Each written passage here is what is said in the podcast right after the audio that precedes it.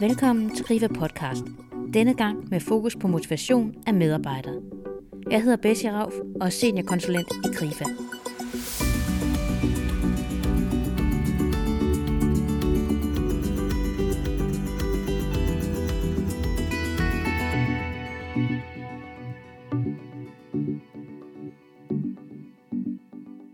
Hvordan får du det bedste frem i dine medarbejdere, så de trives og møder på jobbet med lyst til at give den en skalle?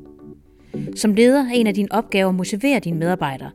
Men hvordan gør du det bedst? Og hvordan finder du ud af, hvad der motiverer den enkelte? Og hvad kan du gøre for at holde dig selv motiveret som leder? I denne podcast taler jeg med Anna Pind. Anna har over 20 års erfaring som leder, og har både været leder i det offentlige og i det private arbejdsliv. I dag er Anna Pind afdelingschef i en af Krifas lokale afdelinger på Sjælland.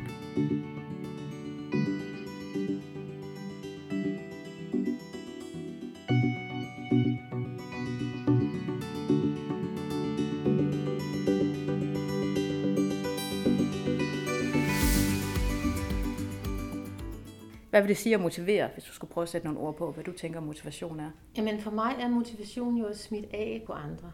Altså både på medarbejdere, men i det hele taget på kolleger og hele vejen rundt. Men når vi taler om medarbejdere, så er det at smitte af og skabe energi og lyst til at løse øh, opgaverne, energi og lyst til at gå på arbejde, og energi og lyst til at være en del af et arbejdsfællesskab. Hvad ser du, din opgave er som leder, når det handler om at motivere medarbejderne? Jamen allerførst, så, så, så synes jeg, det er vigtigt, at jeg ved, hvad det er for præstationer, de skal levere. Altså jeg skal vide, hvad det er for, for opgaver, vi skal løse. Og når jeg ved det, så er det jo vigtigt, at jeg får motiveret medarbejderne til at kunne løse de opgaver. Dels sikre, at medarbejderne ved, hvad det er, der foregår, og hvad det er, der skal foregå. De kender dagsordenen. Det er rigtig vigtigt. Det er min erfaring, at hvis man ikke ved, hvad der sker, og hvad der skal ske, og hvorfor det skal ske, så mister man også motivationen. Så det har jeg altid brugt rigtig meget energi på som leder, at sørge for, at øh, medarbejderne var velinformeret. Og så understøtte selvtilliden hos medarbejderne. Jeg synes tit, at medarbejdere kan være usikre på, om de gør det godt nok og gør det rigtigt, og det gør de i 98 procent af tilfældene, men, men kan bare ofte ikke se det, eller har den der usikkerhed på sig selv. Og der synes jeg, det er min fornemmeste opgave, at underbygge den der selvtillid, så de ved, at de gør det godt nok, fordi det er faktisk meget, meget sjældent, at de ikke gør det godt nok. Og det giver en energi til så at drive og en lyst til at gøre endnu mere. Ikke? Og hvordan gør du det, sådan helt konkret? Jeg anerkender meget. Jeg, jeg er meget bevidst om, at jeg ikke er en fagfaglig leder. Jeg er afhængig af medarbejderne, og det siger jeg også til dem. Jeg er leder, det er mit fag, det er det, jeg skal. I har en faglighed, som, som jeg aldrig nogensinde kan nå øh, på top med. Jeg tror på, at medarbejderne kan deres fag. Jeg har ingen grund til at tro andet. Altså, jeg bruger dem til at øh, klæde mig på, og så anerkender jeg meget deres indsatser og deres viden og alt det, de kan. Og når jeg siger anerkender, så er det meget vigtigt for mig, at det ikke er sådan en skamros. Så jeg anerkender dem ud fra det, fag, de kan, ud fra deres faglighed, ud fra den indsats, de gør i forhold til vores arbejde og vores arbejdsfællesskab. Jeg tror ikke på det med skamros. Og hvad ser du forskellen er på skamrose og på at anerkende? Jamen øh, skamrose, det, det er sådan i min verden, så lidt mere, det går mere på det personlige. Jeg synes, det er vigtigt, at man tror på anerkendelsen, man får fra sin leder. At man tror på, at det min leder siger nu, og det min leder anerkender mig for, der, der er hold i det. Hvorimod, hvis man, hvis man bare slynger om sig med, med en masse ros og, og anerkendelse, som ikke er sådan rigtig gennemtænkt, så kan man faktisk godt modtage det på, på den helt modsatte måde og, og tage lidt afstand fra det, fordi man tænker, jamen det siger hun jo til dem alle sammen, eller altså, hvorfor siger hun det? Det har ikke noget på sig. Så, så det er vigtigt, synes jeg, at det faktisk er målrettet den anerkendelse, man giver, så den, så den er troværdig. Så sådan noget med motivation, der er jo nogen, der mener, at man slet ikke kan motivere andre. Hvad tænker du om det? Jamen, jeg mener faktisk ikke, at man kan lade være med at motivere andre. Altså, øhm, jeg mener, i det, man er sammen med andre mennesker, uanset om det er arbejdsmæssigt eller privat, eller hvor det er, altså man, og vi har et samspil med hinanden, så, så kan man motivere hinanden, og man kan også demotivere hinanden. Vi påvirker hinanden i alt det, vi gør. Hvis jeg er stille, for meget stille ved et møde, så kan jeg komme til at demotivere nogen, fordi at man er følsom over for, om lederen får sagt noget eller ikke får sagt noget. Bare i det, jeg har et samspil med medarbejderne, så kan jeg vælge at være bevidst om at motivere, og jeg kan måske også ubevidst demotivere. Så det mener jeg bestemt, man kan. Jeg mener ikke, man kan undgå at motivere andre. Eller demotivere. Vi påvirker i hvert fald hinanden hele tiden. Altså, hvor vigtigt er det? For man kan jo også tænke, hvis man skulle være sådan lidt Rasmus modsat, at de går jo på arbejde, de får deres løn. Hvorfor skal man så bruge så meget krudt på at motivere dem? Nu mener jeg jo så ikke, at løn det er en motivationsfaktor. Jeg mener jo, at løn er en øh, vedligeholdelsesfaktor. Jeg tror ikke på, at en, en, øh, en løn, der er forhandlet hjem, den kan ikke motivere på sigt. Det kan godt motivere de første par dage efter, man har forhandlet lønnen. Men hvis man synes, opgaverne øh, er kedelige, eller man synes, man, man ikke har en, energien på opgaverne, eller man, man synes, man mangler kompetencer, og man ikke mestrer sine opgaver, så tror jeg ikke på, at, øh, at lønnen den øh, kan motivere til at gå på arbejde og, og yde en indsats hver dag. Det tror jeg simpelthen ikke på. Der er mange andre faktorer, der påvirker øh, motivationen til at gå på arbejde, og der er løn ikke en af dem, i min optik. Og hvad er det så i stedet for? Jamen det er jo nemlig det, der er så interessant, fordi det er så forskelligt fra medarbejder til medarbejder, og det der kunsten ved at være leder, det er det med at have en indsigt i den, de forskellige medarbejdere og deres øh, forskellige behov for motivation. At nogle motiverer sig af at skabe resultater, og andre motiverer sig af at kunne mestre opgaverne og være rigtig dygtige til dem, og nogle motiverer sig af at, at, at komme ind til nogle gode kolleger og, og have et samspil med dem, så det er vidt forskelligt fra medarbejder til medarbejder, hvad der motiverer dem, og det er det, der er så interessant. Hvordan finder man som leder ud af, hvad der motiverer den enkelte medarbejder? Man giver sig tid til at lære medarbejderne at kende. Som leder, der synes jeg, det er en af de vigtigste kompetencer, man skal have som leder, det er at have lyst til at, at være sammen med andre mennesker og have nysgerrighed på andre mennesker. Det skal man have for at kunne finde ud af, hvad der motiverer den enkelte. Og det er både, når man er sammen i team, så kan man se, hvordan de reagerer øh, i samspillet, når man taler om opgaverne. Og det er også, når man er alene med dem, at man kan spørge ind til, hvad der er, der motiverer dem, og man kan også meget nemt aflæse, hvad der motiverer dem. Man kan jo se på, på medarbejdere, hvornår de har energi og drive på en opgave, og hvornår de egentlig går lidt i stå. Ikke? Jeg har lavet sådan en regel for mig selv, den har jeg haft i, i alle de år, jeg har været leder faktisk, at hvis jeg kører hjem fra arbejde og tænker, at det gjorde ham eller hende rigtig godt, så skal jeg også sørge for, at vedkommende får det at vide dagen efter. Det er simpelthen ikke fair at tænke sådan om medarbejdernes præstationer, uden at de selv er orienteret om det. Så det er sådan en regel, jeg har.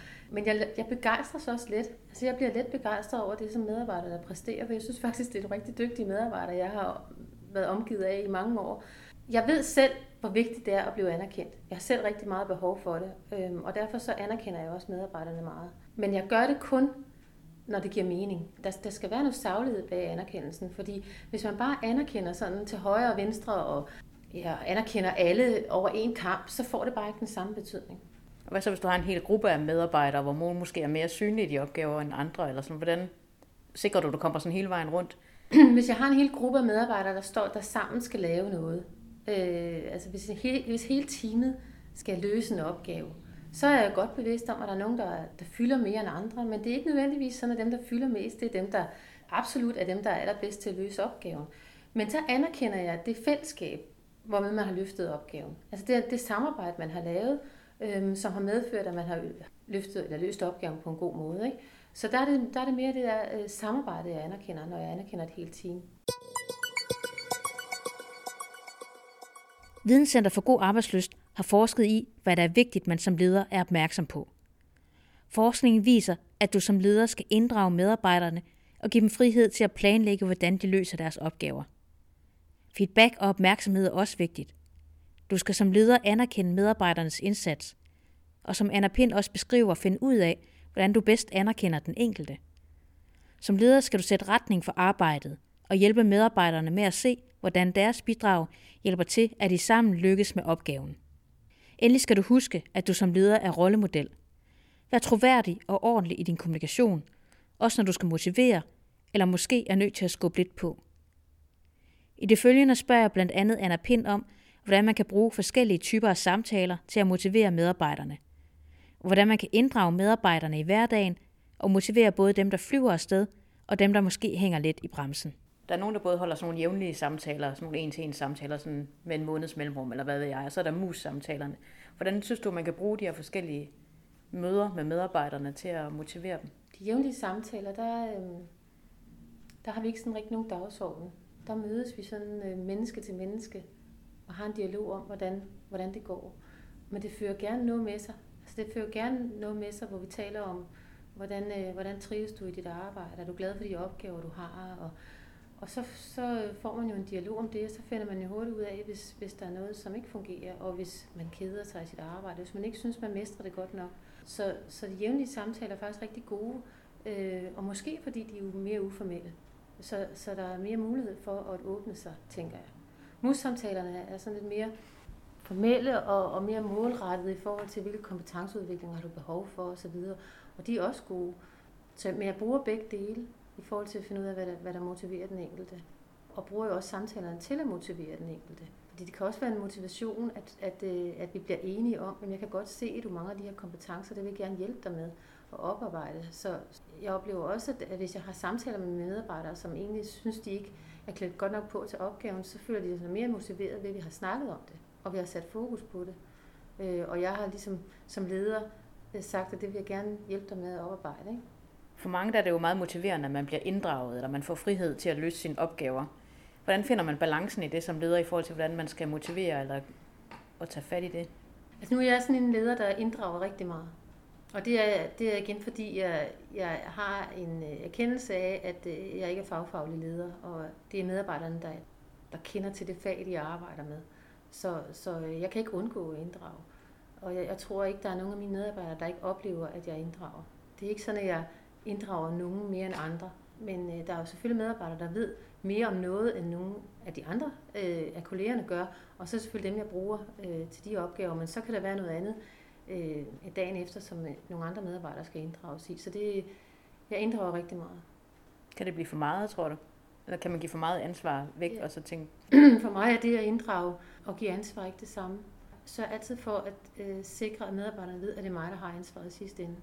Også selvom, det, at, og selvom de løser opgaver, som jeg ikke har så meget faglig forstand på, så, øh, så sikrer jeg, at de ved, at skulle det gå galt, så skal jeg nok tage ansvaret, for det er mig, der er lederen. Og det har jeg en oplevelse af, at det giver en tryghed og en ro til at, at udfolde sig og afprøve ting. Hvordan motiverer du medarbejdere, der bare flyver afsted og egentlig gør det sådan ret godt? De medarbejdere, der flyver afsted, de skal også motiveres. Og de motiveres jo gerne af at kunne tingene og kan, kan være lidt et, et skridt foran, og det skal de også have lov til. Og det skal jeg også være opmærksom på, at sikre, at de, at de så også har kompetencerne til det, og hjælpe dem med at have kompetencerne. Fordi jeg tror på, at hvis ikke de får lov til at flyve afsted, så bliver de demotiveret. Og det, det er der jo ikke nogen, der har interesse i. Og hvad hvis man modsat hænger lidt i bremsen, og måske bare synes, at ens arbejde er blevet sådan lidt træls? Hvordan får man så sat lidt fod i det, eller får motiveret der? Den er næsten lidt nemmere, synes jeg, end dem, end dem, der flyver afsted og gør det godt. Fordi dem, der hænger lidt i bremsen, der er det sådan noget konkret, man kan tage fat i, og tage en dialog med medarbejderne om, øh, at man oplever, at de hænger i bremsen. Og spørge ind til, hvad det er, der gør, at man hænger i bremsen. Og ofte er det jo netop, fordi man er udfordret på sin mestring. Og der har jeg flere eksempler fra mit arbejdsliv, hvor, hvor det, at jeg så har været gået med ind og taget medansvar for at sikre, at medarbejderne får de rette kompetencer og kan mestre opgaverne, at, at der ser, at medarbejderne vokser. Og så bliver de ikke ved med at hænge i bremsen. Altså når man føler, at man kan mestre sine opgaver, og man ved, at lederen tror på en, og tror på, at hvis bare du får de kompetencer her, så, skal, så bliver det godt. Så skal du nok kunne.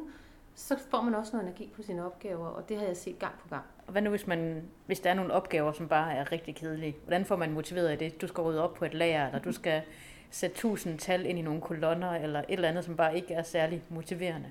Hvad gør man så som leder der? Jamen, det, jeg synes jo, det er vigtigt at sige, at alt, hvad vi gør på en arbejdsplads, det gør vi jo for det store fællesskab. Altså for at skabe et fælles hele, og for at nå opgaven, nå det resultat, vi skal nå ude i, ude i enden. Og der er det også vigtigt at blive ryddet op ude på lageret eller på depotet, og der er det også vigtigt, at, øh, at tallene bliver sat ind i regnearket. Altså der er ikke nogen af de opgaver, vi varetager, som, som ikke har betydning. Øhm, og hvis ikke der er ryddet op på depotet, så kan, så kan de næste, der kommer derud, ikke finde rundt. Og det gør jeg meget ud af, at hvis man har nogle opgaver, der kunne være kedelige, at sige, at alle er en del af det her fællesskab og alle har en opgave. Altså jeg har også mine, mine servicemedarbejdere er også med på, på mine personalemøder, fordi jeg synes, det er vigtigt, at de er en del af det, og ved, hvad det er, vi, øh, vi står for, og hvad det er for opgaver, vi står med.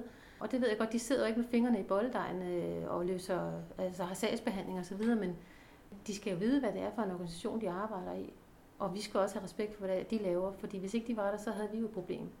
Hvordan motiverer man en hel afdeling eller et helt team som leder? Man slår på fællesskabsfølelsen det er en rigtig vigtig faktor at øh, forstå, at når man er en team, så har man et fælles mål. Og det, det, det er den måde, jeg, jeg motiverer medarbejderne på, når de er i et helt team. Det er, at vi har et fælles mål. Alle kompetencer i teamet er vigtige.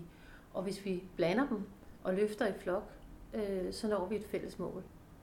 Hvad gør du som leder for at motivere? Hvad forventer du, at medarbejderne selv gør i sådan en teamsituation eller sådan en afdelingssituation?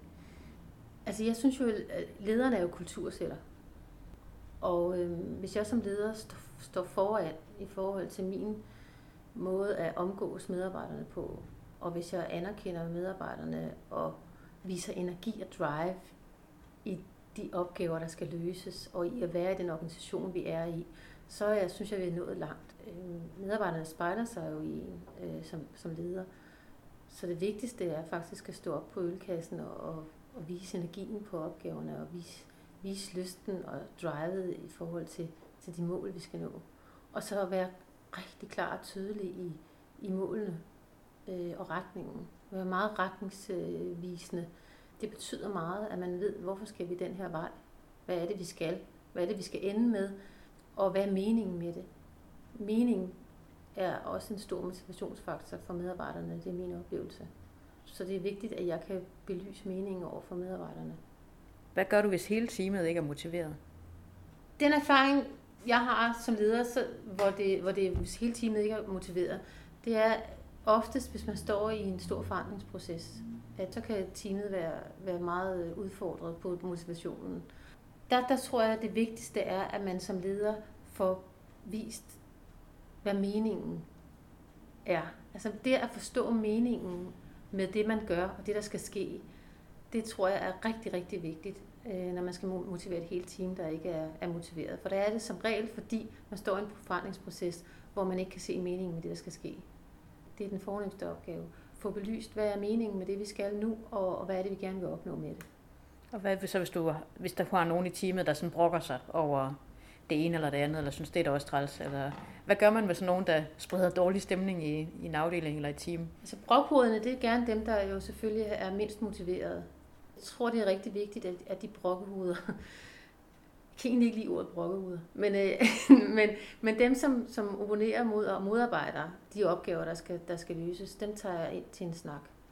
Øh, men jeg gør det ikke ud fra en formanende synspunkt. Jeg gør det ud fra et øh, bekymret tilgang, fordi at jeg øh, tænker, at det er fordi, de er udfordret på deres motivation.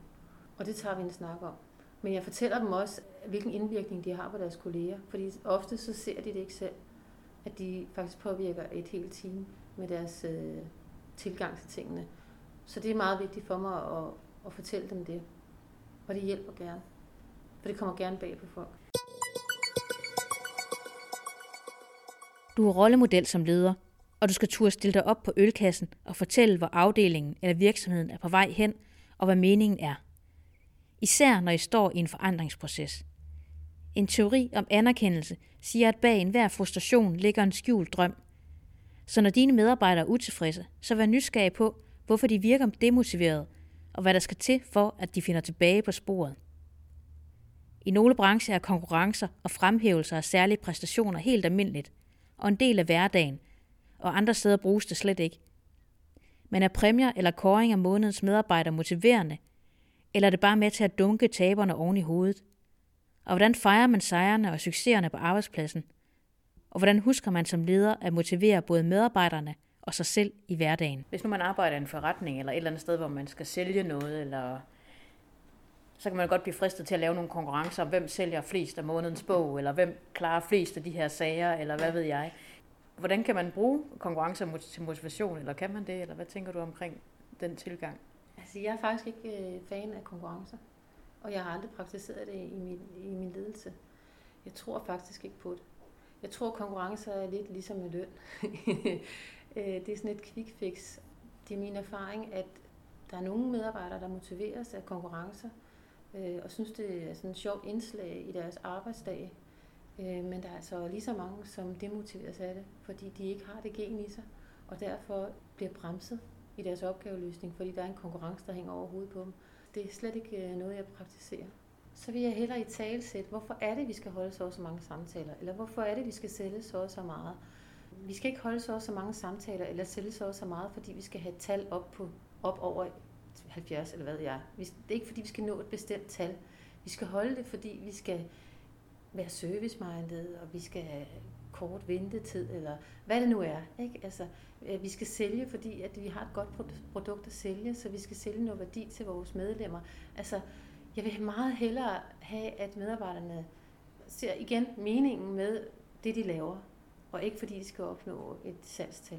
Altså det, hvis man gerne vil motivere, så er der også nogen, der måske kan tænke, så skal vi fremhæve nogen. Altså sådan noget som banalt noget som månedens medarbejder. Sådan noget. Jeg tror, ja. det findes mange steder. Ja. Eller hvilke overvejelser skal man gøre sig som leder, før man sådan man tænker, det motiverer, at man bliver fremhævet på en eller anden måde? Jeg tror, at hvis man er i en, i en virksomhed, der sælger udelukkende, så tror jeg, det kan give god mening at kåre årets medarbejder som har solgt så og så meget osv. Det, det kan det, men i en virksomhed som den jeg er, hvor der er mange andre aspekter, hvor der er meget andet, man skal kunne, øh, og hvor der er mange andre værdier, vi lægger vægt, vægt på, der tror jeg ikke på den løsning, at man øh, kårer modens medarbejder. Og det gør jeg ikke, fordi jeg synes, det bliver utroværdigt hvis man hver eneste måned skal finde en medarbejder, som man synes har gjort det ekstra godt. Fordi hvad er det, vi måler det op imod? Øh, er det igen så antallet af salg, eller antallet af samtaler, eller hvad er det? Og hvordan måler man værdien af den gode dialog med et medlem, for eksempel? Kan man, kan man gøre det? Kan man, kan man udpege nogen som månedens medarbejder på det? Altså, så vil jeg meget hellere anerkende i, i øjeblikket, når medarbejderen gør noget, der er rigtig godt. Og også meget gerne anerkende vedkommende over for alle de andre kolleger og sige til de andre kolleger, I skal benytte jer af, at jeres kollega her er rigtig god på det her område, og spørge ind til at lære af vedkommende. Men dem, der er sådan meget drevet af at nå nogle mål, eller være så meget resultatorienteret. Der er jo nogen, der vil sætte pris på det. Nogen vil synes, det er rigtig træls. Ja, der, der er ikke nogen tvivl om, at der er nogen, der vil sætte pris på det.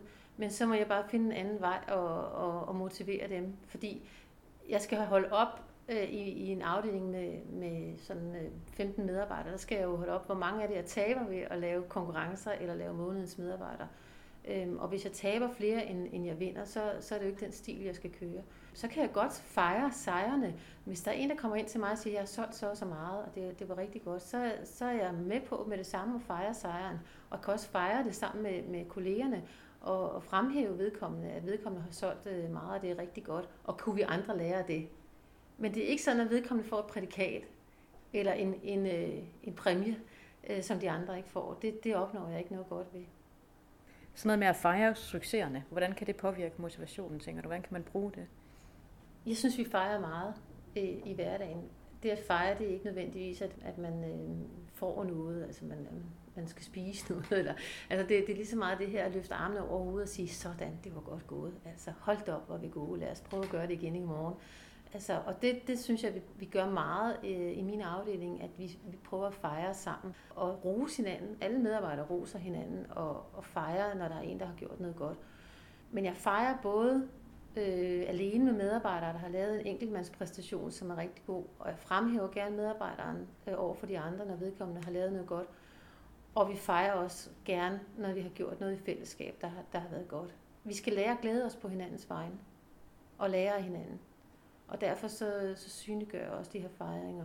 Men som sagt er det, er det mere et jubelråb, end det er noget sådan konkret, håndgribeligt. Hvordan husker man som leder at få motiveret i en travl hverdag? Hvis det er noget, der ikke falder en så naturligt, fordi det er man ikke vant til. Hvordan holder ja. man fast i det? Altså hvis det ikke falder en naturligt, så er det en muskel, man skal træne. Det er et ledelsesredskab, man skal vælge, at man vil bruge. Og i min optik er det jo et meget, meget vigtigt ledelsesredskab, så jeg vil jo anbefale, at man bruger det når man har valgt, at man vil, man vil anerkende og man vil motivere medarbejderne, så skal man hele tiden, og hvis, man ikke, hvis ikke det ligger naturligt i en, så skal man hele tiden huske at gøre det. Vi har snakket meget om, hvordan motiverer jeg mit team og mine medarbejdere, men hvordan holder man sin egen motivation ved lige som leder? Hvad skal man være opmærksom på ja, over for sig selv? Det, det, det er et meget godt spørgsmål, fordi det synes jeg faktisk er ret vigtigt, at, at, man, at man har øje for den også når jeg sådan kigger på hele mit, arbejds, øh, mit arbejdsliv, og, og hvordan jeg motiveres allermest, så er det, at jeg motiveres bedst af mine medarbejdere. Jeg motiveres af at se den, det engagement og den begejstring. Jeg bliver rigtig, rigtig glad, hvis der kommer en medarbejder ind og har taget en opgave til sig og, og har fået idéer og kommer fuld af energi og, og, og gerne vil dele det med mig. Så bliver jeg rigtig glad og, og, og rigtig motiveret øh, som leder og motiveret for at og, og dyrke det sammen med medarbejderne. Så, så min største motivation, den finder jeg øh, faktisk hos medarbejderne. Men jeg er et menneske ligesom alle andre, og det vil sige, at jeg har også brug for anerkendelse. Jeg bliver rigtig glad, når jeg får anerkendelse fra medarbejderne. Det betyder faktisk rigtig meget for mig. Og jeg tror også på, at uanset på hvilket niveau man er i en organisation, lige meget hvor højt man sidder, så tror jeg, man har brug for anerkendelse og feedback. Øhm, og det har jeg også. De fleste ledere har jo en leder over sig, som måske ikke er så tæt på ens hverdag. Hvordan får man vedkommende sådan engageret lidt i, jeg har også brug for noget motivation, hvis man har det. Hvordan får man taget hul på den, hvis ikke det kommer så naturligt fra ens nærmeste leder? Altså man kan jo bede om feedback. Nogle gange kan det kræve mod jo at bede om feedback, fordi at det, så åbner man for posen. øhm, men øh, hvis man har en leder, som har svært ved at, altså som ikke er opmærksom på den her anerkendelse, som ikke har den der muskel, og som ikke træner den muskel, så er man nødt til at, at, at bede om feedbacken. Hvis du skal give tre gode råd, som man skal huske som leder, når man skal motivere sine medarbejdere, hvad vil du så give videre? Det første er, at man skal være bevidst om, at hver enkelt medarbejder motiveres forskelligt. Man kan ikke skære alle over en kamp i forhold til motivation. Det andet er, at man skal huske at anerkende sine medarbejdere. Både enkeltvis og også i, i det samlede team. Og det tredje er, at øh, man som leder skal vise sin begejstring og lade medarbejderne vide, at øh, deres indsats har betydning for den samlede organisation.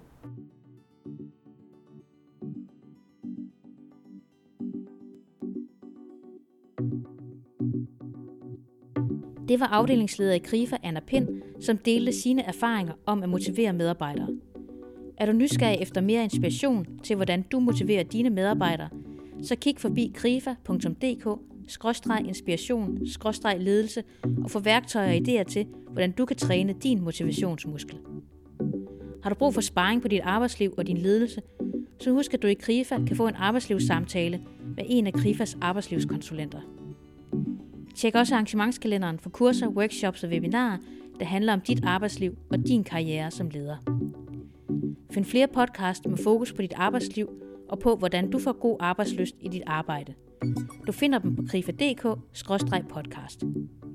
Har du spørgsmål eller kommentarer, er du meget velkommen til at kontakte mig på e berf Tak fordi du lyttede med, og rigtig god arbejdsløst.